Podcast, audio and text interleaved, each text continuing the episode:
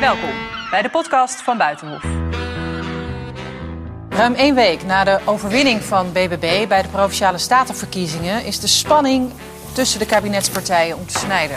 En ondertussen liggen in de provincies nu vooral vragen op tafel. Want wat gaat er precies gebeuren op het stikstofdossier? Wanneer? En met wie? Hier aan tafel, in een poging om iets van duidelijkheid te scheppen, de commissaris van de Koning in Zuid-Holland, Jaap Smit. En partijleider van Partij voor de Dieren, Esther Ouwehand. Beide hartelijk welkom. Dankjewel. Um, ja, meneer uh, Smit, u bent commissaris van de Koning in Zuid-Holland. Uh, ook betrokken bij het uh, overleg tussen de provincies. Um, meestal weet je na een verkiezing wel een beetje welke kant het op gaat. Is men nu in de provincies in totale verwarring?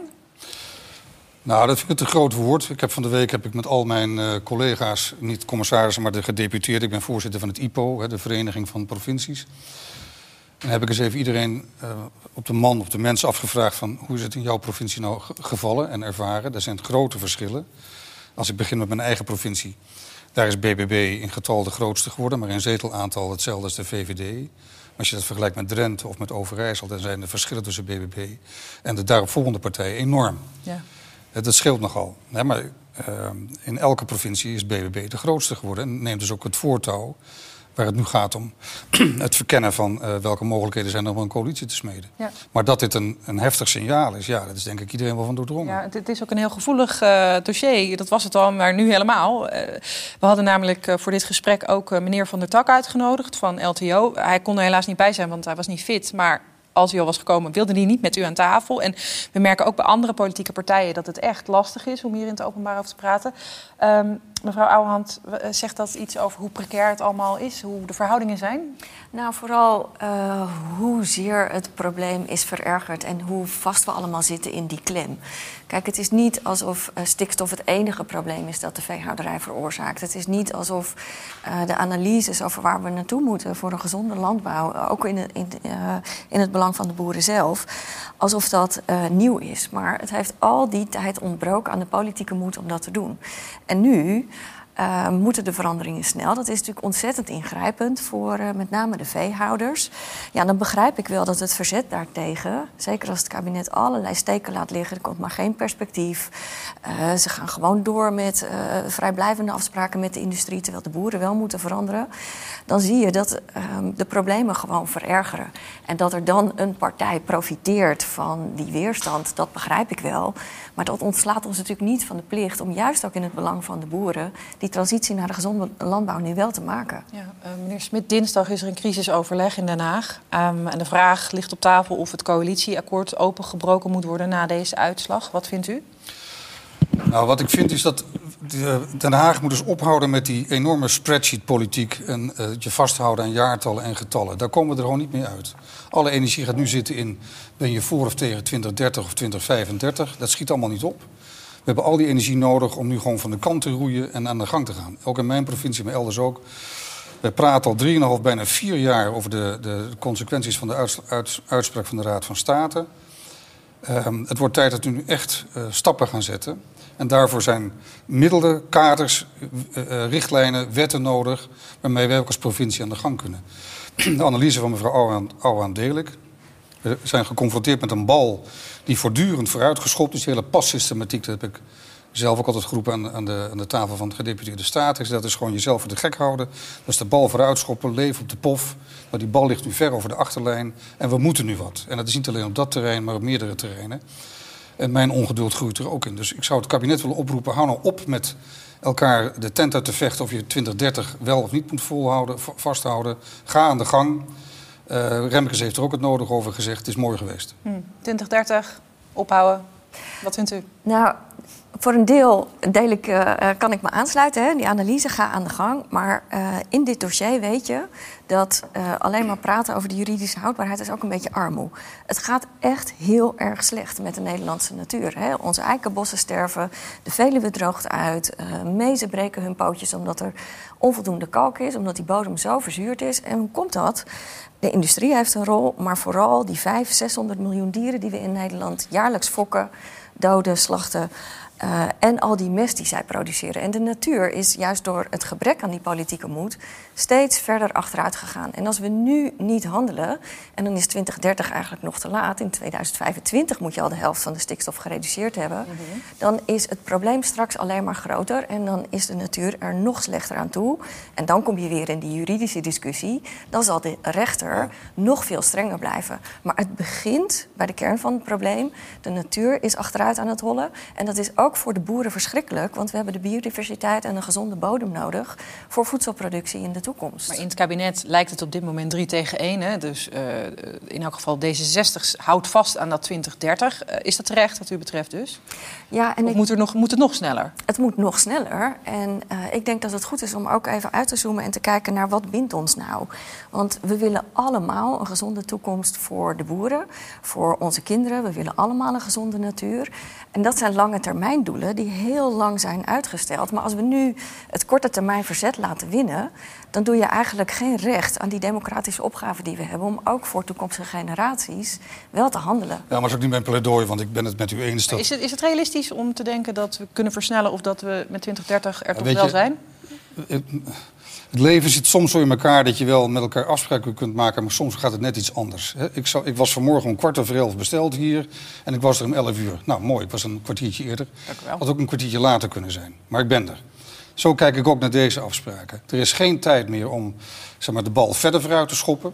Daar ben ik volstrekt met mevrouw Ouwehand eens. Daar heb ik me in de afgelopen tijd ook tegen verzet. Er moeten nu besluiten vallen, ook pijnlijke besluiten. Dat vraagt van alle partijen iets, ook politiek, maar ook gewoon alle partijen die in het geding zijn.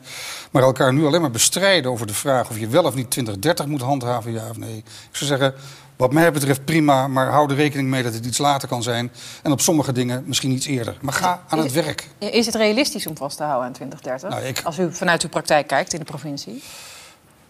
Ik denk dat je er rekening mee moet houden dat het wat langere tijd kost. Maar het heeft ook de vraag, ook, we moeten gebiedsgericht gaan werken. In het ene gebied gaat het misschien sneller dan in het andere gebied. Ook dat is een kunst die we met elkaar moeten verstaan. Is dat we niet alles door één mal heen halen, maar dat er verschillen zijn. Mijn provincie is niet te vergelijken met die van mijn collega in Friesland. En er gelden al andere afwegingen, wel hetzelfde kader, maar andere afwegingen. En misschien gaat het tempo daar iets hoger dan bij ons of andersom. Maar stop met je elkaar maar lastig te vallen met die getallen. Ja, mevrouw Hand, wat gebeurt er eigenlijk als we 2030 loslaten? Waarom kunnen we inderdaad niet gewoon in sommige gevallen besluiten... ja, dan komen we iets later aan? Nou, er zijn dus twee niveaus van deze discussie. We hebben de natuur nodig, juist ook voor uh, ons drinkwater, gezonde bodem. Hè? We moeten die natuur nu herstellen. Uh, maar er is ook een juridische discussie. En zolang je geen overtuigend pakket hebt waarmee je kan aantonen dat die natuur echt gaat herstellen, zal de rechter alleen maar streng blijven. En daar hebben wij het kabinet al die tijd voor gewaarschuwd. En onder aanvoering van CDA en VVD zijn al die waarschuwingen in de wind geslagen. Er is fors bezuinigd op het natuurbudget met het kabinet uh, Rutte 1. Er is een programmatische aanpak stikstof gekomen, waardoor die natuur slechter en slechter en slechter werd. En daardoor zitten we nu in een enorme klem. En dat is ook voor de boeren gewoon niet eerlijk. Want als veehouder moeten veranderen, is heel ingrijpend. Zeker. En deze mensen zijn gewoon twintig jaar uh, afgepakt waarin ze hadden kunnen omschakelen. Maar nu nog langer wachten, dat helpt niet. Dus we moeten duidelijk zijn en we moeten deze mensen helpen omschakelen. Goede compensatie, perspectief bieden, alles wat je kan. Maar deze keuze nog langer uit de weg gaan is geen optie meer. Nee, maar dat stel ik ook niet voor. Kijk, uh, alles goed, u heeft u gelijk gekregen. Hè, en, dat beaam ik ook, dat we te lang gewacht hebben met het nemen van de juiste besluiten. Misschien een kleine anekdote. Ik was aan, in gesprek aan een tafel met andere mensen uit de agrarische wereld, de haven, VNO-NCW. En toen zei iemand, als ze twintig jaar geleden de juiste dingen gedaan hadden... dan hadden we nou niet met dat probleem gezeten. Ik zei, god, dat is interessant.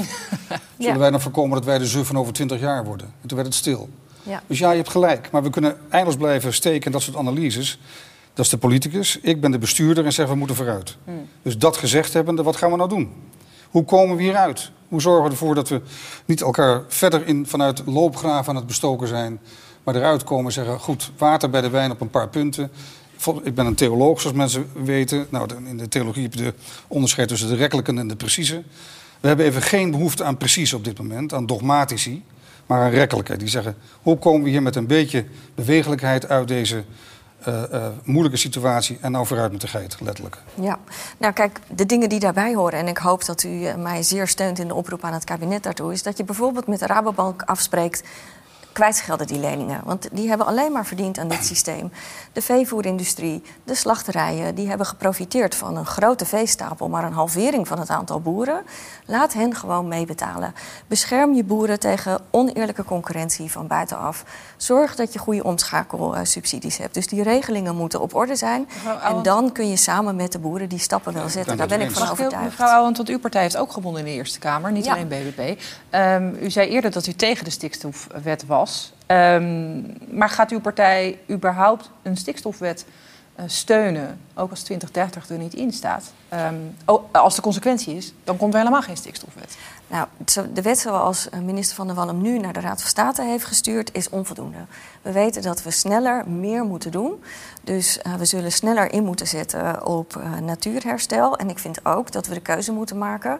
Hè, er wordt geroepen om innovatie, maar dat betekent dat je boeren opnieuw uitlevert aan de Rabobank. Dat ja. soort fouten moeten we niet meer maken.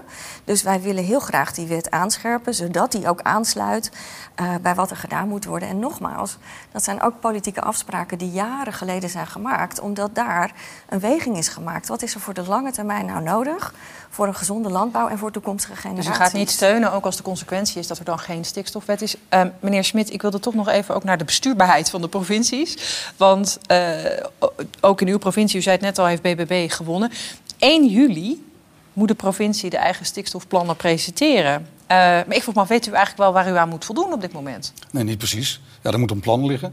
Maar u weet niet wat voor soort er moet een puzzel gemaakt worden, maar er breekt, ontbreekt nog een aantal stukjes die ons door anderen aangereikt moeten worden. Dus die, die plannen zijn of incompleet of onder voorwaarden. Overigens moeten we dat ook nog weer um, in, in de nieuwe politiek, politieke verhoudingen moeten we dat voorleggen aan onze nieuwe staten. Want de, de, de meerderheden zijn anders. Hmm. Dus uh, we zullen misschien 1 juli wel iets kunnen neerleggen, maar dat is verre van compleet. Kunt u dan wel besturen als u niet weet eigenlijk wat u moet doen? Nou, ik geloof niet dat de wereld ervan vergaat als het 1 juli niet helemaal gehaald wordt. Ook daarvan zeg ik van, we zitten in een tijd waarin echt we heel veel tegelijk op ons bord hebben. Hmm.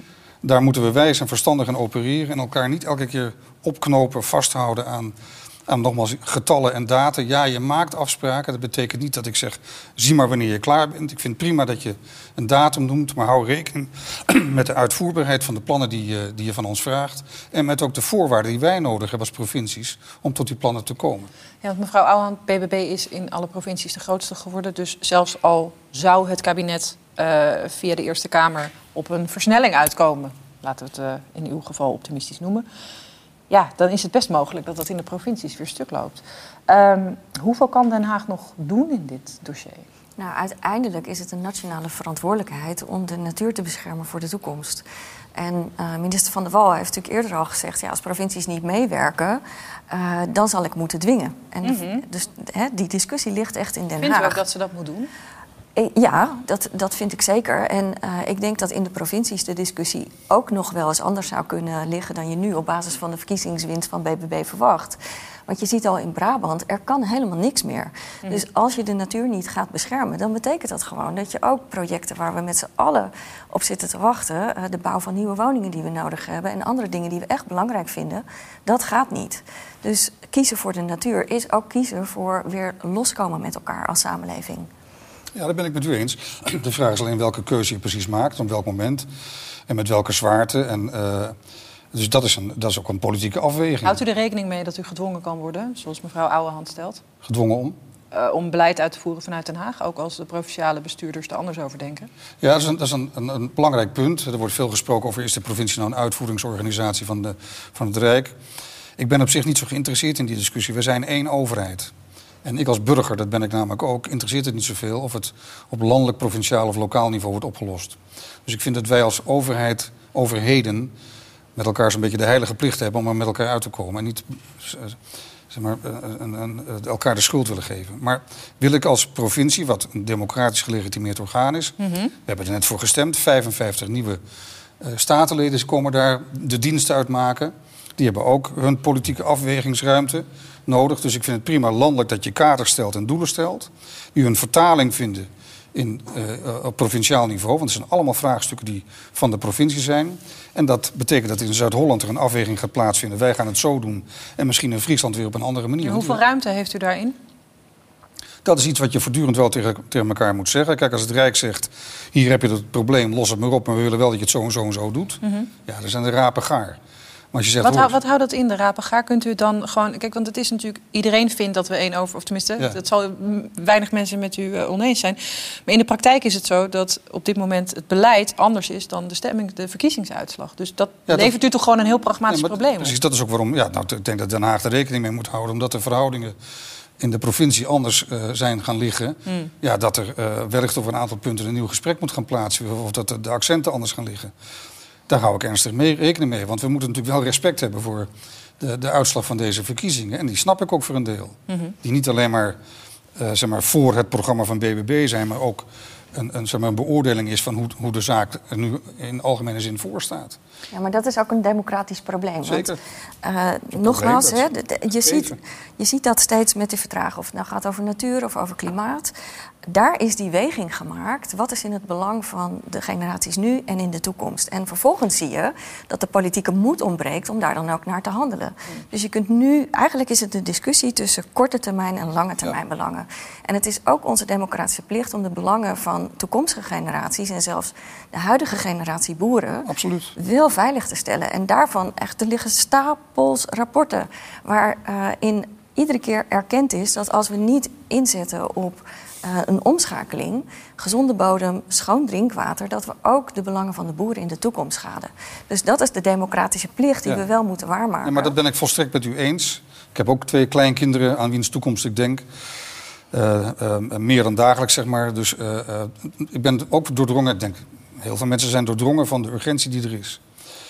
Remkes heeft het ook gezegd in zijn rapport. Niet alles kan meer overal. Maar ook wat, wat kan er dan wel? Dus eh, voordat we hem nou weer uit zijn ruststand halen, ga nou gewoon eens en aan de gang met dat wat niet, hij... niet nog een keer doen. Precies. De, ehm, en de politieke moed, ja, dat is een woord dat ik zelf ook vaak gebruik. En deze tijd wordt gevraagd, politieke moed, eh, dappere bestuurders... die ook uiteindelijk knopen durven door te hakken. En niet voortdurend met angst in de ogen kijken... waar zwermt het electoraat dit keer weer naartoe... als ik iets ga roepen wat pijnlijk valt. Dus u zegt we moeten wel eh, de verkiezingsuitslag serieus nemen... maar we moeten uiteindelijk niet die kant per se... We moeten naar een ander doel toe. Ik, Nou, ik ben blij dat als ik met BBB-mensen praat... want ik heb er een rustiger gevoel bij dan vier jaar geleden. Deze mensen hebben zich goed voorbereid. Eh, ik heb ze bij mij ook al op mijn, eh, op mijn kamer gehad. En ik heb ze gefeliciteerd met de uitslag. Dat zijn ook niet mensen die de urgentie ontkennen van de problematiek waarmee we geconfronteerd worden. Die, maar mis- misschien dat de, de weg naar de oplossing net iets anders gaat worden, accenten anders worden. Ik heb ze ook gezegd op de uitslagavond. Van harte gefeliciteerd, groot respect voor wat jullie bereikt hebben. Eh, ik was er net als andere mensen stil van. Maar dat betekent niet dat de urgentie anders is, dat de problematiek anders is. Dat de rechter ineens terugkomt op de uitspraken die gedaan zijn. We zullen met elkaar aan de bak moeten om te zorgen dat we stappen maken. En een van de dingen die ik er nog een keer wil zeggen... val elkaar er niet lastig met al je dogma's... maar zoek naar waar je elkaar kunt vinden. Val elkaar niet lastig met, met, met wat ik noem eh, exacte getallen... maar ga aan de gang. Duidelijk. Voor een gezonde landbouw, ja. Mag ik jullie bedanken, allebei, voor jullie Tot uw komst. dienst.